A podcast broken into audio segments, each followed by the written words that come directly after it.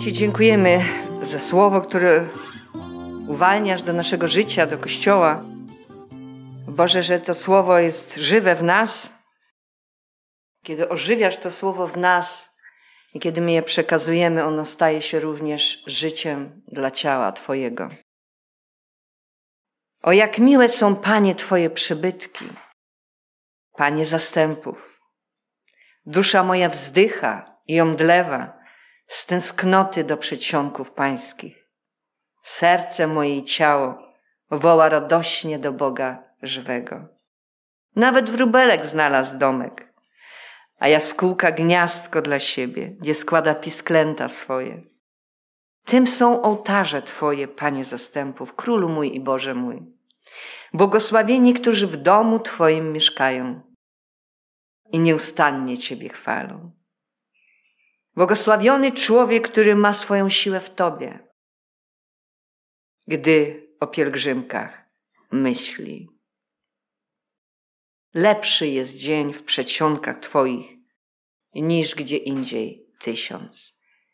Wolę stać raczej na progu domu Boga mego, niż mieszkać w namiotach bezbożnych. Dzisiaj Duch Boży chce do nas mówić o tym, jak istotną rzeczą jest w życiu chrześcijanina mieć społeczność z Bogiem, ale również z wierzącymi. Słowo Boże mówi, aby nas szatan nie podszedł, aby szatan nie miał nad wami przewagi, jego zamysły bowiem nie są nam nieznane. My znamy zamysły złego, Słowo Boże mówi. I kiedy znamy zamysły złego, to jest dziwną rzeczą, że mamy jakiekolwiek wymówki. Słowo zamysły oznacza jego strategię lub metody. Słowo przewaga odnosi się do sięgania dalej niż może. Szatan wyciąga rękę, ale my otwieramy mu drzwi, przez co może sięgnąć poza nie. W takiej sytuacji zaczyna mieć nad nami przewagę. Przez wiele lat historii Kościoła wróg używał kilku strategii, próbując utrudnić, spowolnić i zniszczyć ciało Jezusa Chrystusa. Jego działanie kończy się sukcesem tylko i wyłącznie, kiedy szatan ma ludzi, którzy wykonują za niego robotę. Jeżeli z duchowego ataku zabierzemy czynnik ludzki, praktycznie nie byłoby ataku, bo większość tak naprawdę naszych problemów to nie demon, którego nie możemy zobaczyć, ale ludzie, których możemy zobaczyć. Po drugie, działania te są skuteczne, jeśli chodzi o wroga, kiedy chrześcijanie nie są w stanie odróżnić, kto naprawdę atakuje. Ponieważ chcemy walczyć przeciwko ciału i krwi, przeciwko ludziom, ale to nie tak. To jest bitwa przeciwko duchowi, który działa przez daną sytuację lub w inny sposób. Po trzecie, działania wroga są skuteczne, jeżeli Kościół przestaje być ze sobą zjednoczony. To znaczy nie jest jedności ze sobą i z Bogiem. Dzieje się tak, ponieważ w jedności tkwi wielka moc.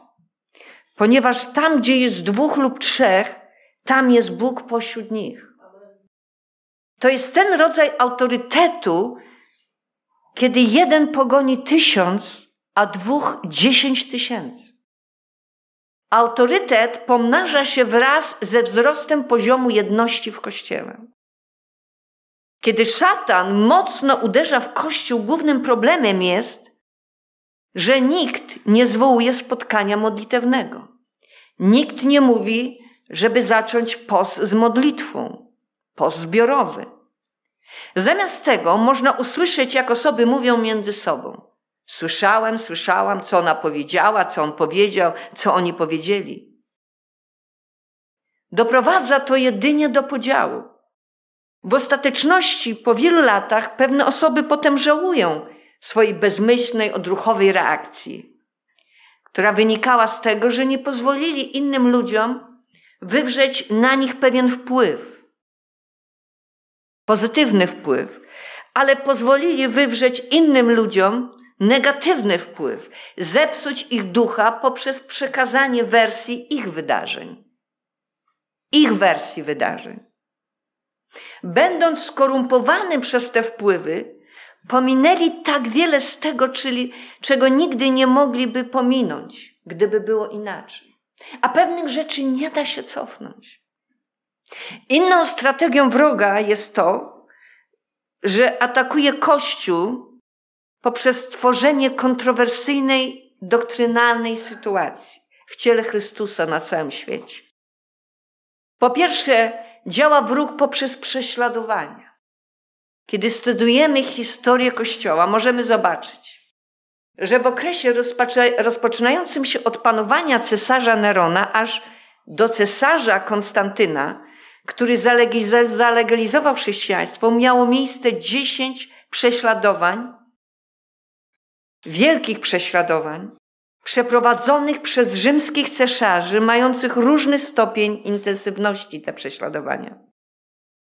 Prześladowania za Dioklecjana były jedynymi z najgorszych. Zebrał on wszystkie Biblie i spalił je. Wzniósł też pomnik, na którym wypisał zagładę chrześcijaństwa. Kobiety były gwałcone, torturowane, jeśli nie wyparły się Boga. Prześladowania przeciwko chrześcijanom były efektywne, ponieważ historycy mówią, że chrześcijanie nie bronili się z powodu prześladowań, z powodu słów Jezusa. Jeśli uderzy was w jeden policzek, to nastawcie drugi. Albo módlcie się za swoich nieprzyjaciół i za tych, którzy was wykorzystują. Wcześniej chrześcijanie wzięli słowa Jezusa dosłownie i stali się bardzo pasywni. Przyjmowali prześladowania, tortury. Nawet w liście do Hebrajczyków 11 rozdział mówi, że niektórzy byli torturowani, aby mogli otrzymać lepsze zmartwychwstanie, ponieważ męczennik jest błogosławiony w specjalny sposób. Nie ma nic złego w nastawieniu drugiego policzka. Prawdopodobnie, prawdopodobnie dzisiaj wszyscy byśmy tak zrobili. Nie ma nic złego w modleniu się za wrogów, tak powinniśmy robić. Modlić się za, za nich. Ale w tym samym czasie, jeśli ktoś włamuje się do Twojego domu i ma przy sobie broń palną, to lepiej się broń. Jedyną bronią, jaką chrześcijanie stosowali, był werset z Mateusza 10:23. A gdy was prześladować będą w jednym mieście, uciekajcie do drugiego. Zaprawdę powiadam wam, zanim zdążycie obejść miasta Izraela, syn człowieczy przyjdzie. Jeśli chrześcijanie byli mocno prześladowani albo znosili to dla Bożego imienia, to była jedna strategia ich znieść coś dla Bożego imienia, albo uciekali do bezpiecznych miejsc. Opuszczając miejsca, gdzie żyli, przechodzili przez góry do innego miejsca, aby znaleźć wolność. Po swoim nawróceniu apostoł Paweł przebywał w Damaszku w dziejach apostolskich, to jest napisane, że zarządca regionu zamierzał doprowadzić do, zapis, do zabicia apostoła. Komentatorzy historii wczesnego kościoła mówią, że Paweł był niskiego wzrostu i miał krzywy nos. Paweł był mały, ponieważ przeszedł przez okno i uciekł w koszu. Uczniowie pańscy pomogli mu. Ucieka do innego miasta, bo nie chciał przedwcześnie umrzeć.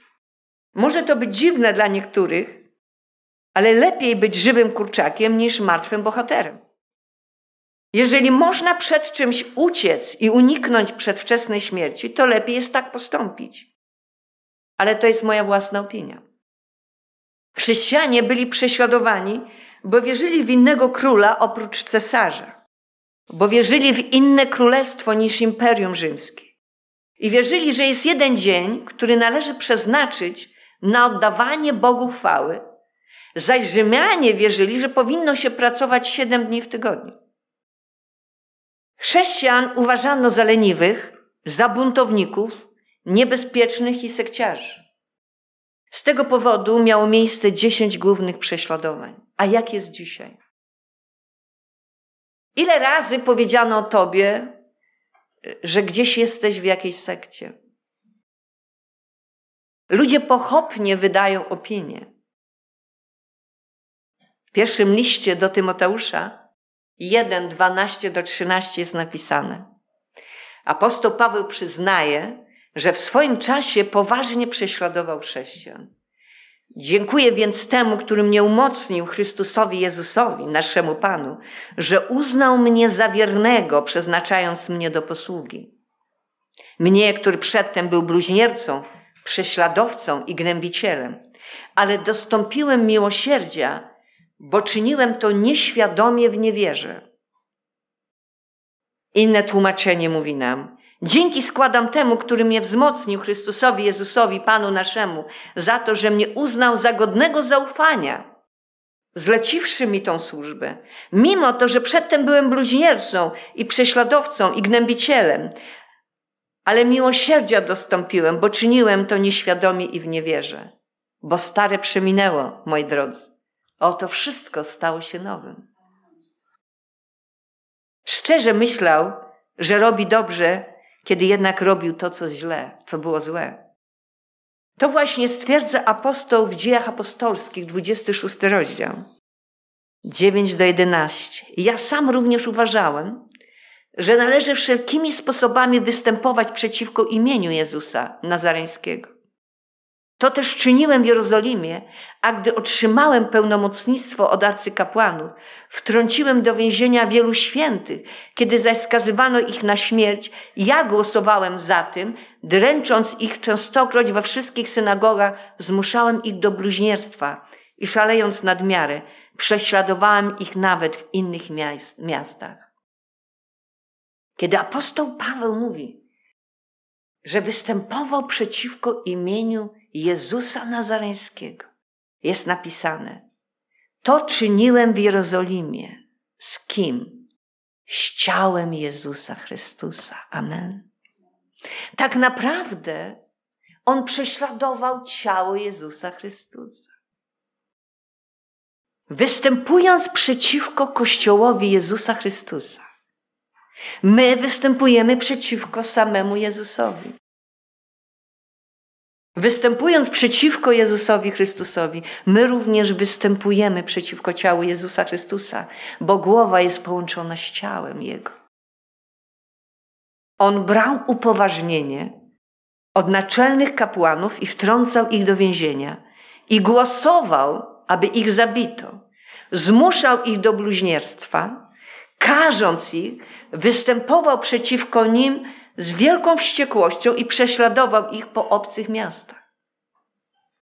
Wydawało mu się, że powinien wiele czynić przeciwko Jezusowi z Nazaretu. Paweł był odpowiedzialny za śmierć wielu ludzi. Pilnował szat, kiedy kamienowano Szczepana, pierwszego męczennika. Sam się do tego przyznaje. Paweł myślał, że czynił dobre rzeczy, kiedy praktycznie robił to, co złe i w zły sposób. Nawrócenie tego człowieka jest Bożym cudem. Kiedyś ktoś o mnie mówił nieprawdziwe, złe rzeczy. I kiedy się modliłam, usłyszałam głos Boży. I ci powiedz tej osobie, dlaczego ona mnie prześladuje. To jest bardzo mocne, co ja teraz mówię do kościoła. Bo jak my tracimy świadomość rzeczy, to co robimy, że dotykamy samego Jezusa. Cesarze dokładali starań, aby chrześcijanie wypierali się, że Chrystus był królem i Mesjaszem. Oraz sprawiali, że chrześcijanie spalali kadzidła na ich cześć albo na cześć bożków idolów. Taka była presja, zastraszenie, że ich zabiją. Kiedy odmawiali, byli oni torturowani lub zamykani. Chrześcijanie byli aresztowani, ponieważ Rzymianie wierzyli w bogów przodków, że tych bogów należy czcić bez względu na, jak, na to, w jakiego Boga się wierzy. W obecnym czasie nie ma wielu miejsc prześladowania fizycznego, ale w wielu miejscach jest psychiczna presja. Pod koniec XVII wieku w Morfy w stanie Kalifornia Północna miało miejsce wylanie Ducha Świętego. Miało to miejsce przed przebudzeniem na Azusa Street. Wszyscy zielonoświątkowi charyzmatycy piszą o tym wydarzeniu jako o głównym wylaniu, ale to nie było główne wylanie. Wylanie Ducha Świętego w Murfy było pierwszym dużym wylaniem wśród Ducha Świętego wśród baptystów, którzy zostali ochrzczeni Duchem Świętym. Zostali oni ochrzczeni Duchem Świętym, to było trzech od siebie niezależnych kaznodziei. Kiedy zostali napełnieni Duchem Świętym i zaczęli mówić innymi językami, ludzie z Murfy myśleli, że są zdemonizowani i zaczęli ich fizycznie prześladować. Kobieta imieniem Bryant była częścią tego wczesnego ruchu. Białą kobietą, która miała doświadczenie z Ku Klux Klan z miasta Murphy. Pojawili się w liczbie 30-40 osób w kapturach na głowach.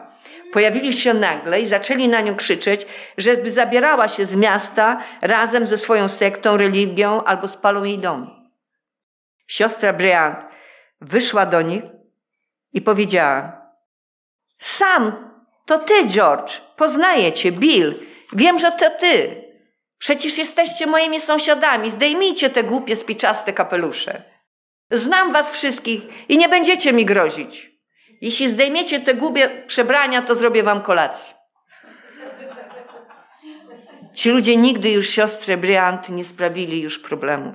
To było wydarzenie z historii Kościoła.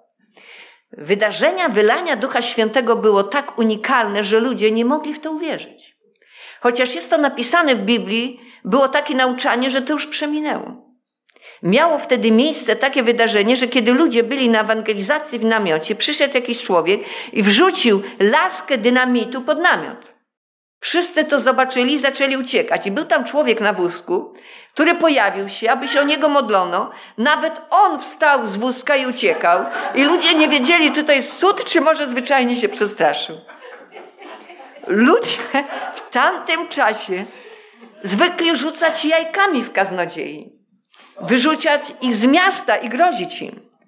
To działo się podczas wylania. My modlimy się o wylanie Ducha Świętego, ale czy my jesteśmy jako Kościół przygotowani na tego typu odwet wroga?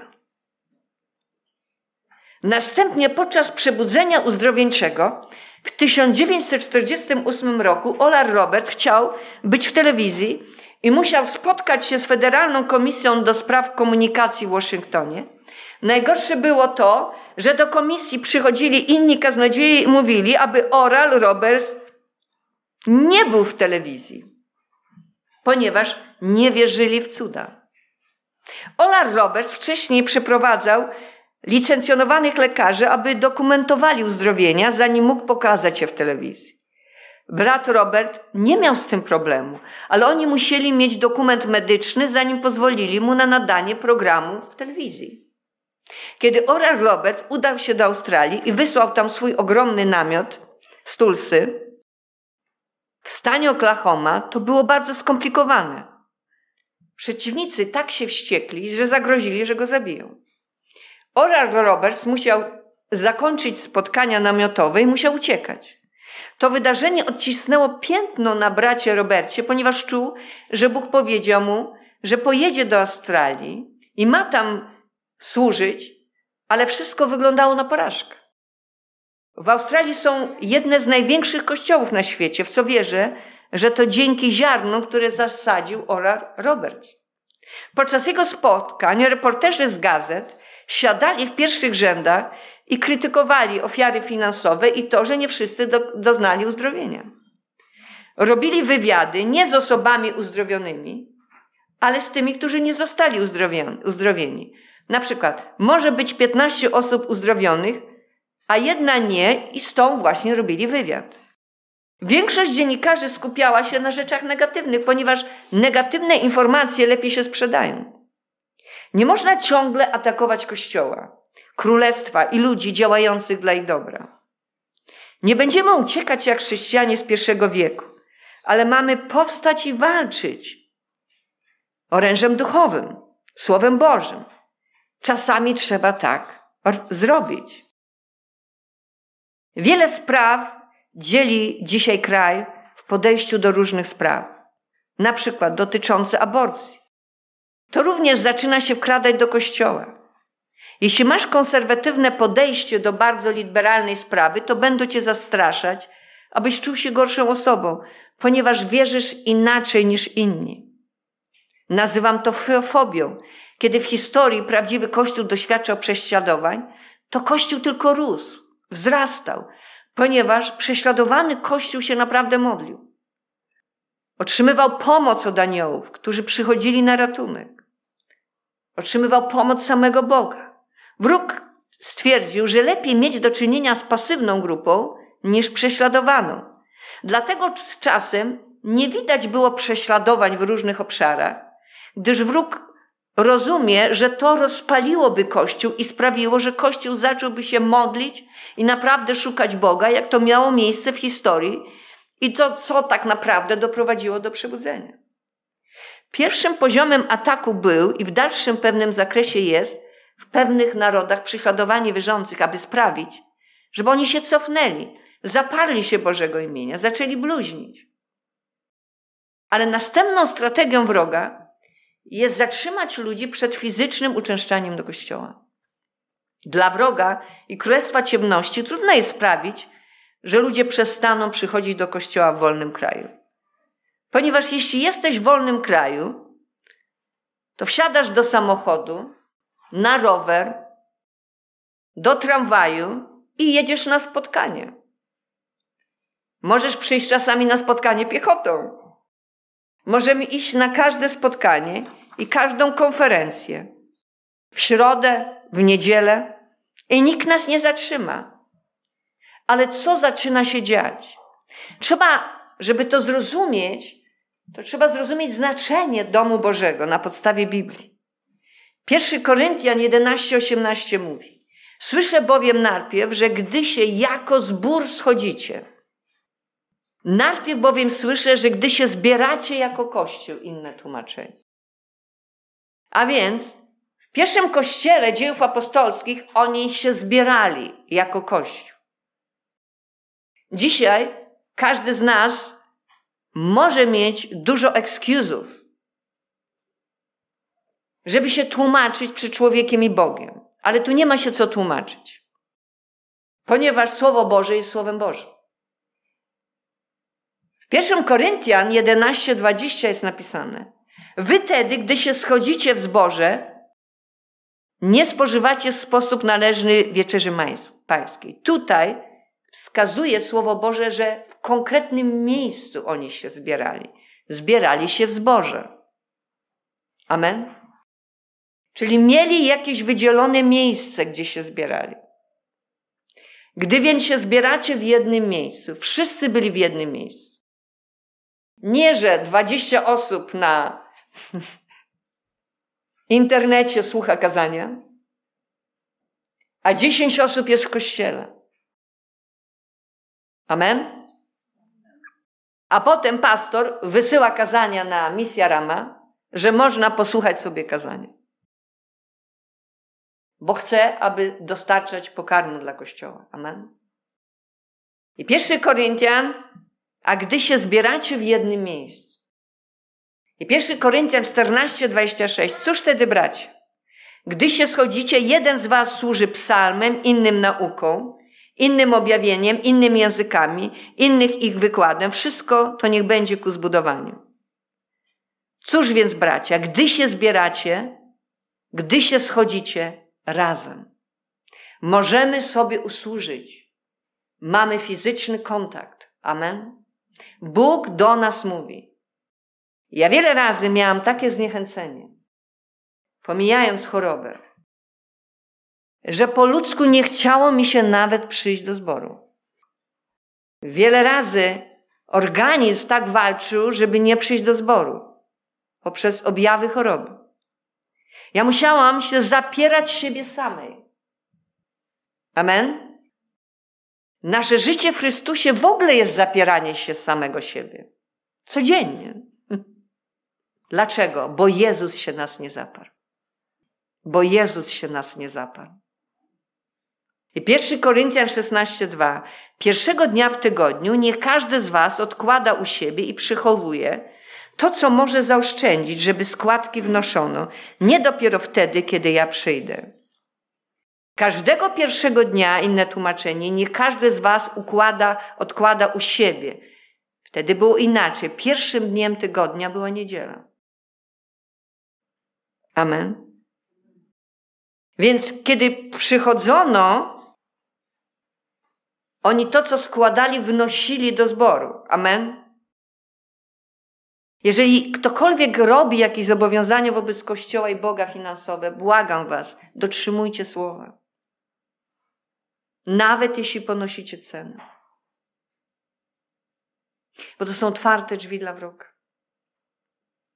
Hebrajczyków 10:25. Nie opuszczając wspólnych zebrań naszych, jak to jest u niektórych zwyczaju, lecz dodając sobie otuchy, a to tym bardziej, im lepiej widzicie, że ten dzień się przybliża. To znaczy, że Duch Boży mówi tutaj bardzo wyraźnie, że im bardziej przybliża się Dzień Pański, problem wspólnych zebrań naprawdę będzie problemem.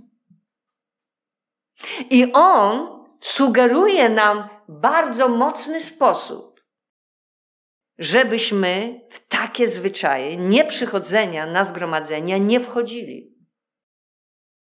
Ale pobudzali jedni drugich, chodź do kościoła, chodź na zebranie, chodź na społeczność. Chodź, zabiorę ciebie. Można się zabierać jeden drugiego. Tak jak niektórzy słyszałam, że w kościele robią.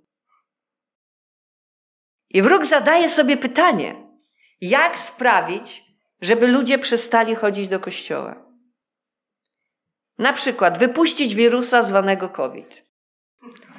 Bo ten wirus będzie najbardziej roznosił się w publicznych zgromadzeniach, również na kościelnych spotkaniach i konferencjach.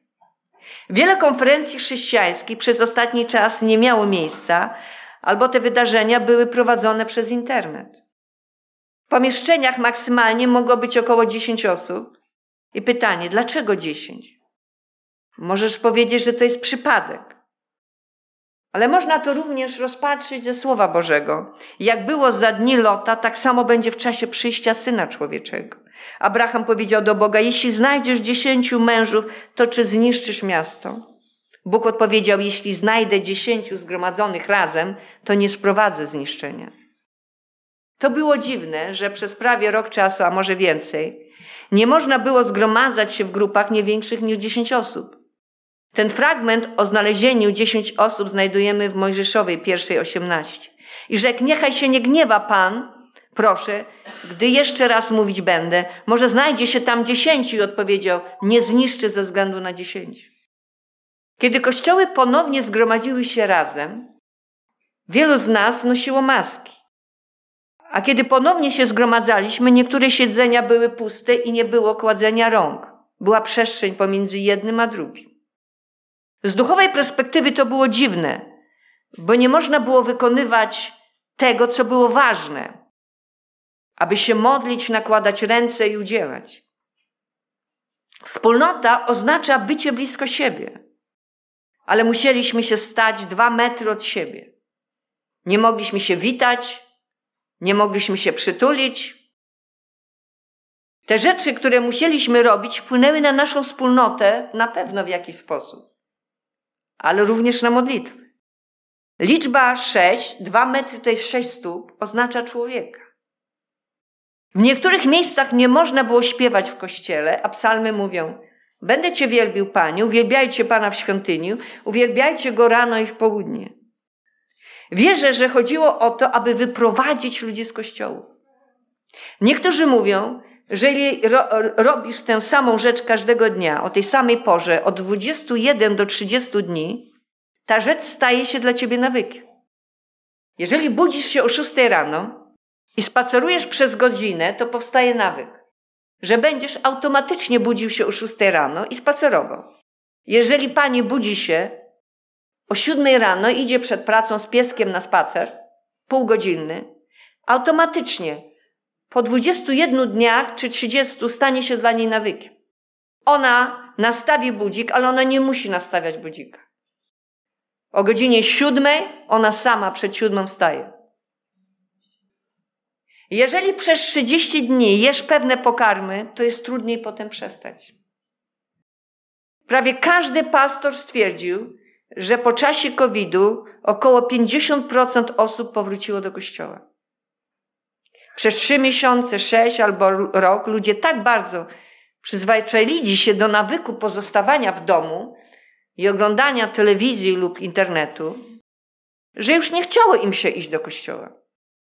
Chodzi o to, że dusza, psychę, istot ludzkich, tak jak Bóg wie o rzeczach dotyczących ducha, duszy i ciała, tak samo wie wróg.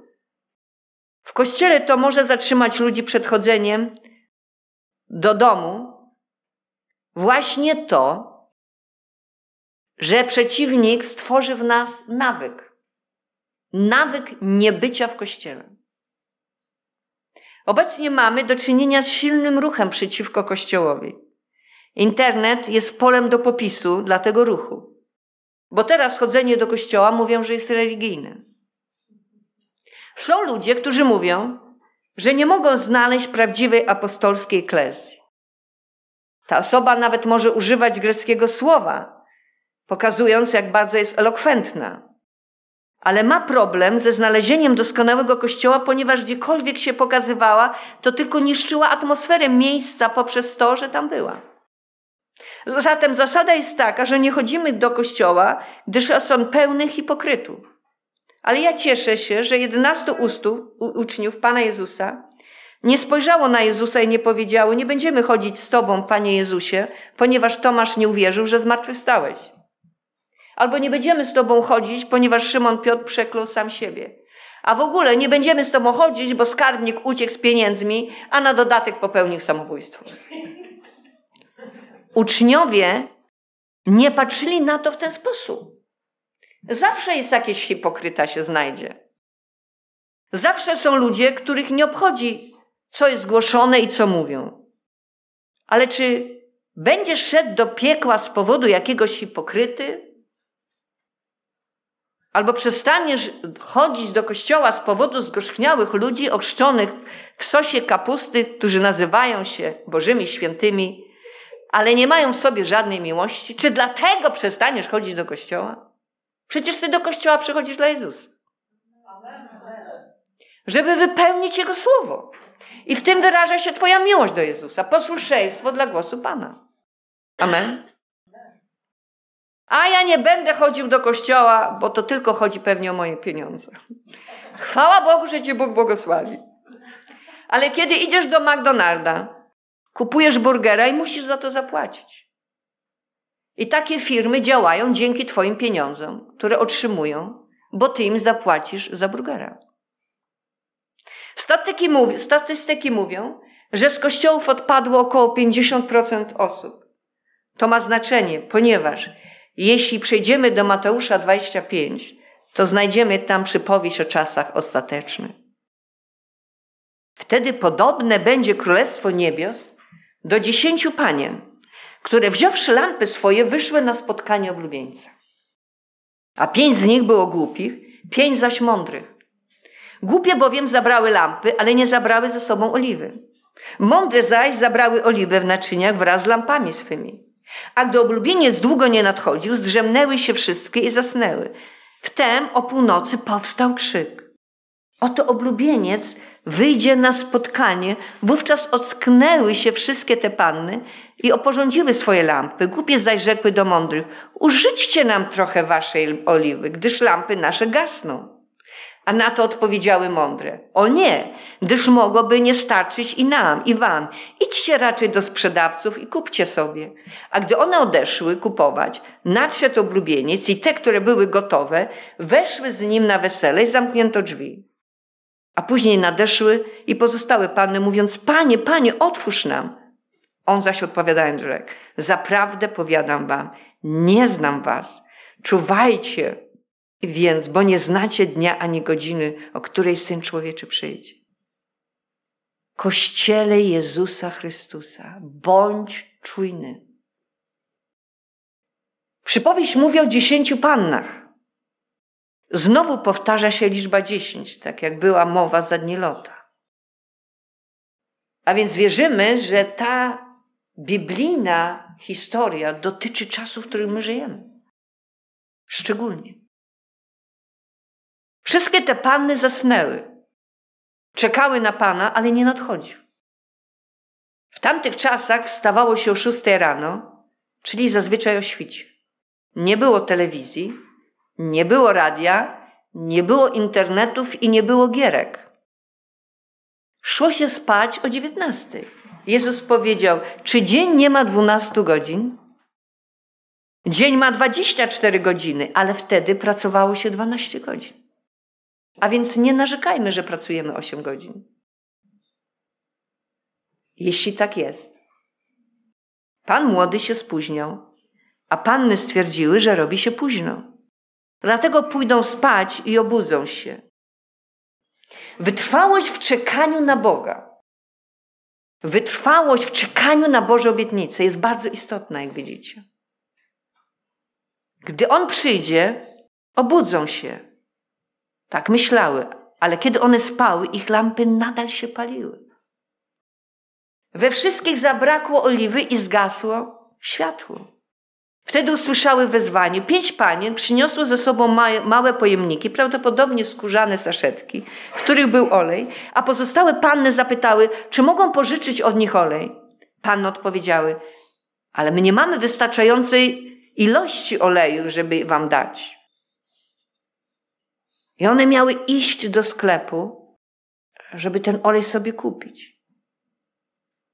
Ale to jest szalone, szalone, bo, taki, bo jaki sklep jest otwarty o północy?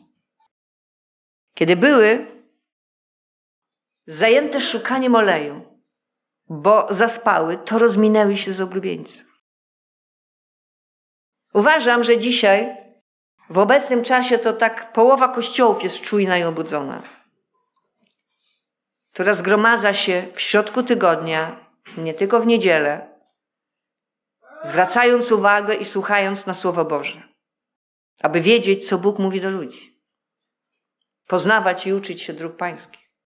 Pozostałe osoby po prostu są w kościołach. Przychodzą, kiedy chcą i są pasywne. Teraz, kiedy jesteśmy w epoce kościoła Laodycei, siódmym okresie kościoła wedle objawienia Jana, istnieje obawa bycie letnim. Bóg mówi, lepiej, żebyś był gorący, a nie zimny a e, e, e, zimny, a nie letni. A nie zimny.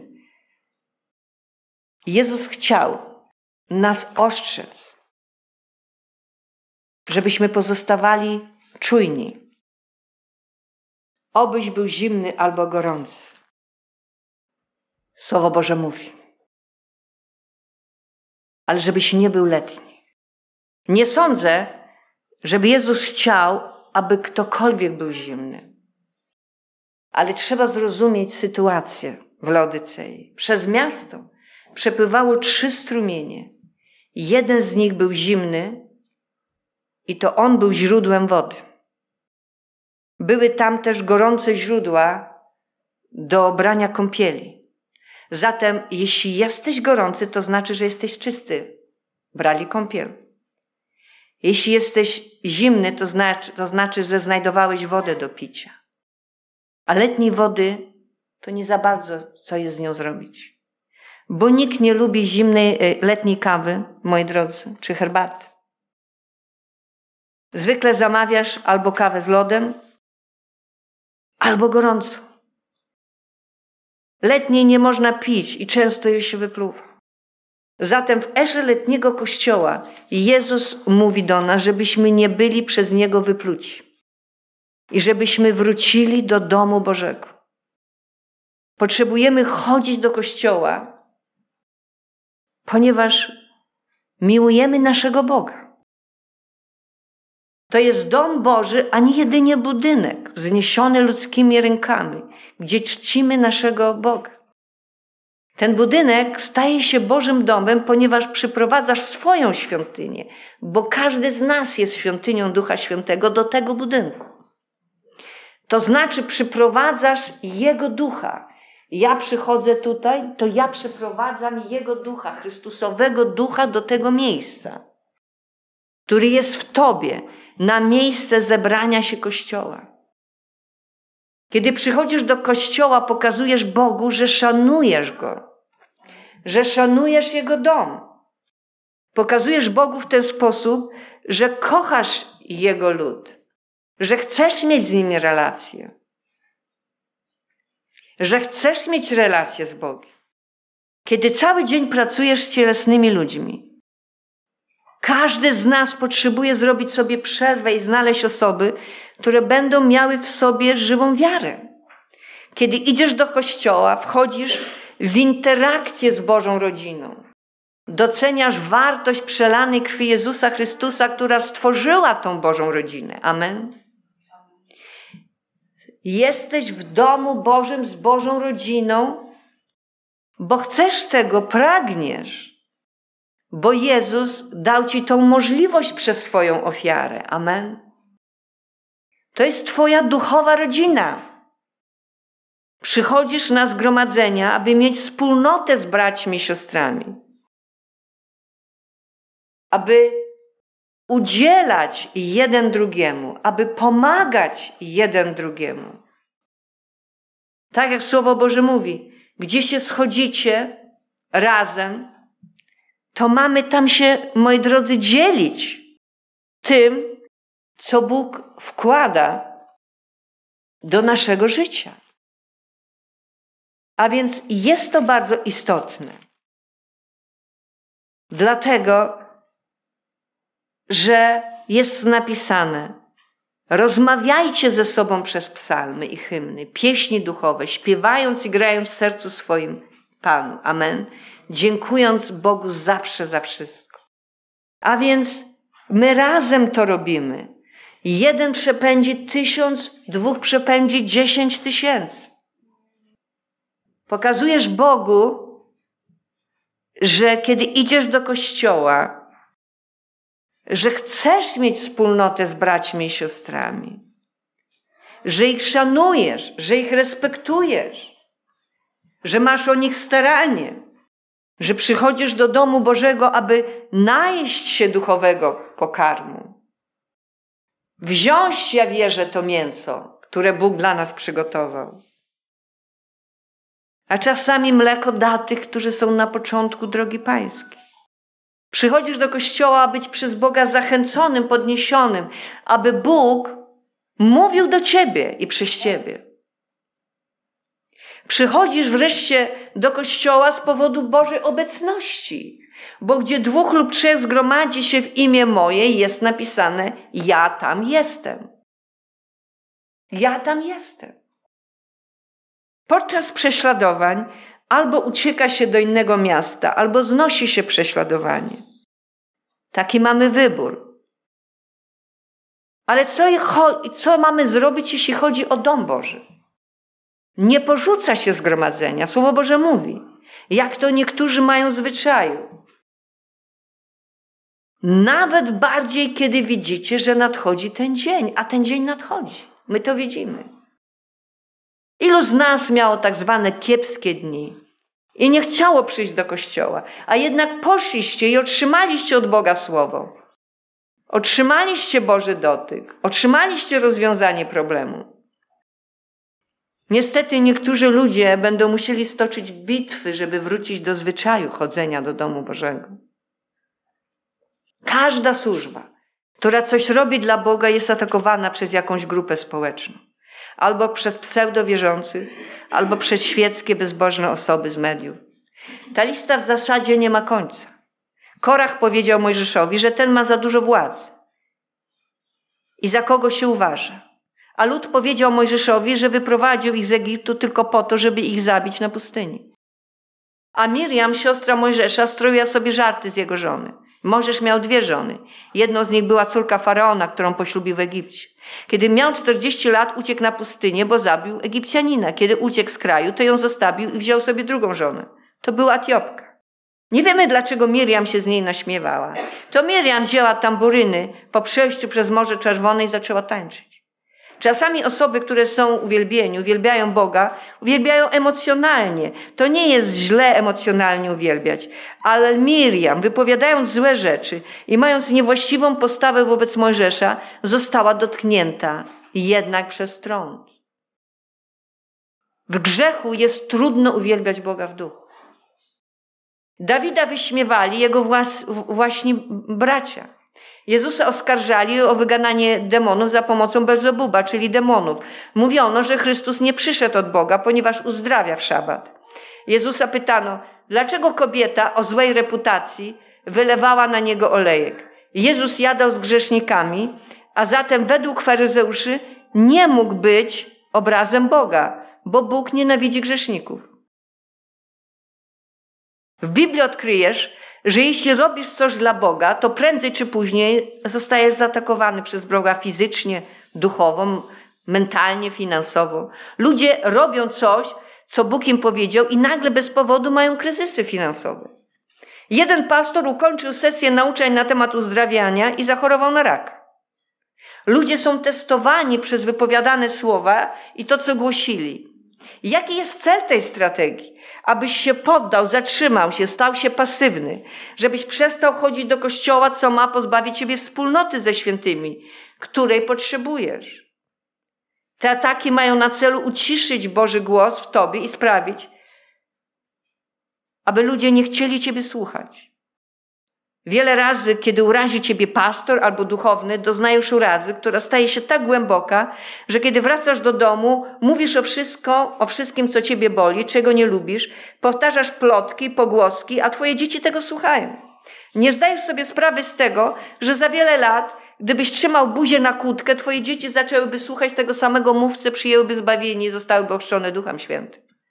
Ale zniszczyłeś resztę ich życia po tym, jak wypowiadałeś się o kaznodziejach. Plotkowanie ma zawsze swoje skutki, tak samo jak obmawianie. Czasami przychodzą do mnie ludzie pytają, czy ty słyszałeś o tym człowieku, czy o tamtym słyszałeś? Odpowiadam, nie chcę słuchać, nie chcę tego słuchać. Ale pastorze, nie chcę tego, ale siostro, ja nie chcę tego słuchać. Nie chcę słuchać tych złych rzeczy. To nie moja bitwa, a skoro nie moja bitwa, to do niej nie dołączę. Mam sama dosyć opresji demonicznej do pokonania.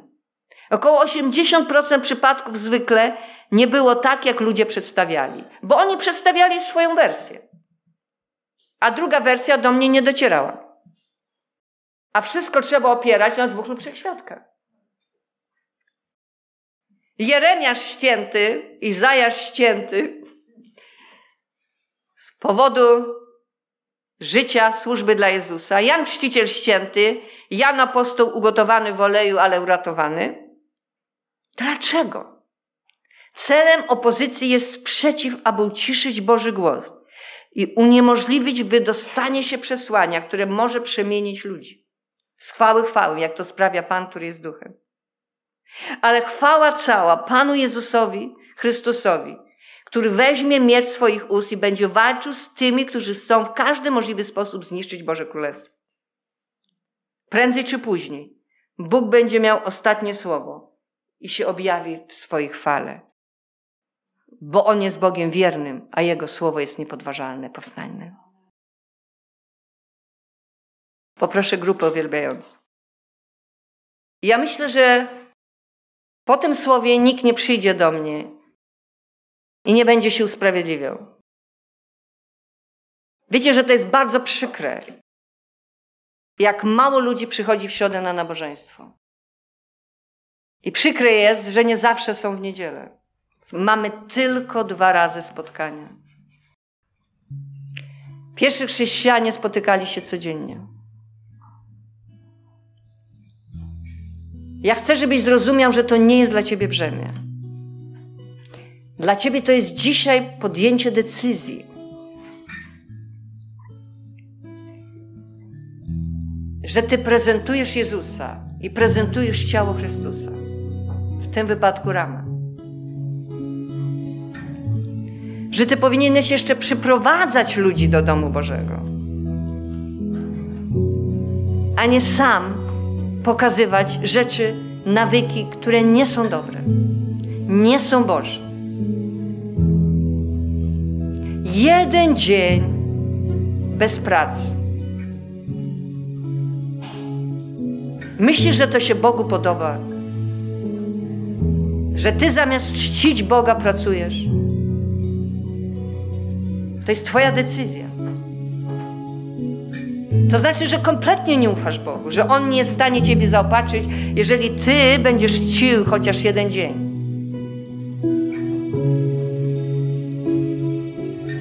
Nazwijmy to po imieniu, to jest nieposłuszeństwo. Ty mówisz, ale ja pracuję dla dobrej sprawy. Takie pieniądze nie są do końca czyste. Ponieważ wymaga, wychodzą one z ramy zasady Królestwa Bożego. A więc, braci i siostry, ja rozumiem, że masz takie zawody, że masz dyżury. Ale nie musisz się umawiać do pracy, dlatego że ktoś ma wtedy czas albo więcej ci daje, że ty idziesz w niedzielę. Kiedy ja pracowałam jako lekarz, ja nigdy nie brałam dyżuru w niedzielę.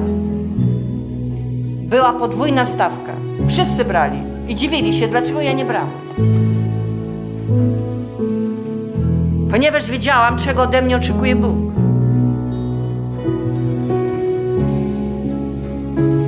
Pamiętajmy, że Słowo Boże mówi, że mamy wspólnie budować się w dom Boży, w dom duchowy. Amen.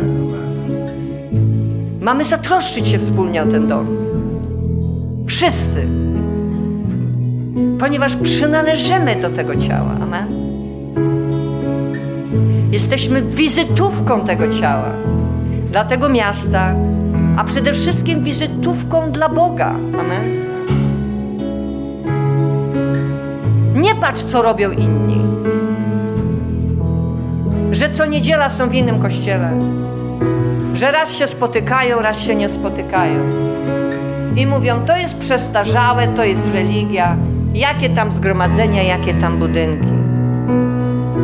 Jest miejsce, które na dzisiaj Bóg dał, to miejsce, aby się razem spotykać. Amen. Aby usługiwać sobie razem, aby okazywać serce jeden dla serca, aby być ludźmi wierzącymi, z duchową rodziną. Swoja rodzina to jest tak, jak się pokłócisz trochę z żoną czy z dzieckiem, to najczęściej za parę godzin już jesteście na fali znowu. I nikt z Was z domu nie wychodzi. A czasami jest tak, że ludzie wychodzą z domu i nie wiesz nawet, gdzie poszli, gdzie są, zniknęli. Można by wzywać policję, żeby ich szukać, tak? My tego nie robimy. Nie chcemy kontrolować ludzi. Chcemy wolności Ducha Świętego. Chcemy, by ludzie Boży zrozumieli, że Królestwo Boże to jest ład i porządek z Bogiem.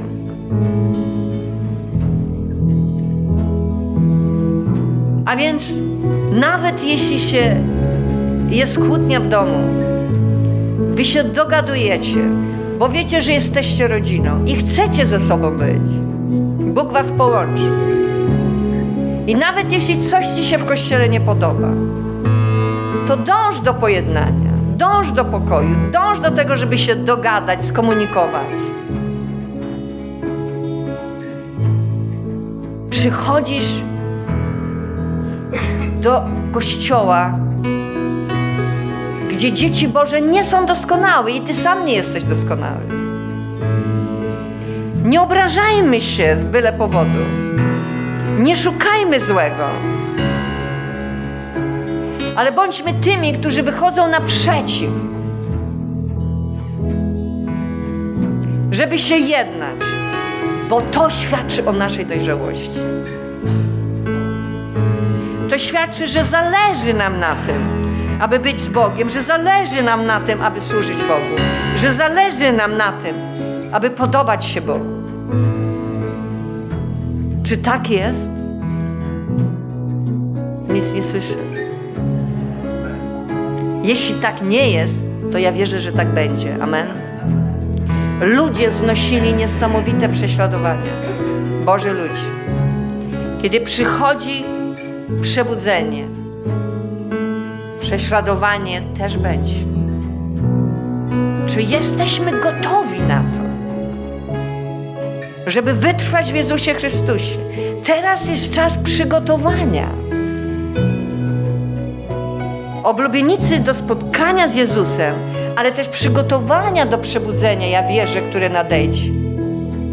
Żeby wytrwać w wierze do końca. Amen. Panie, ja Ci dziękuję w imieniu Jezusa, że my utożsamiając się z ciałem Chrystusa, w ten sposób utożsamiamy się z Tobą.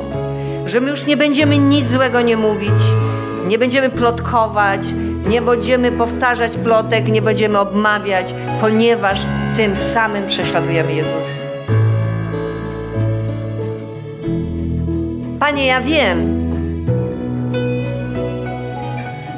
że czasami naszych słabości jest trudno się pozbyć od tak od razu. Ale ja wierzę, że kiedy my szczerze dzisiaj wołamy do Ciebie, Ty pomożesz nam, Duchu Święty, uwolnić nas z tego.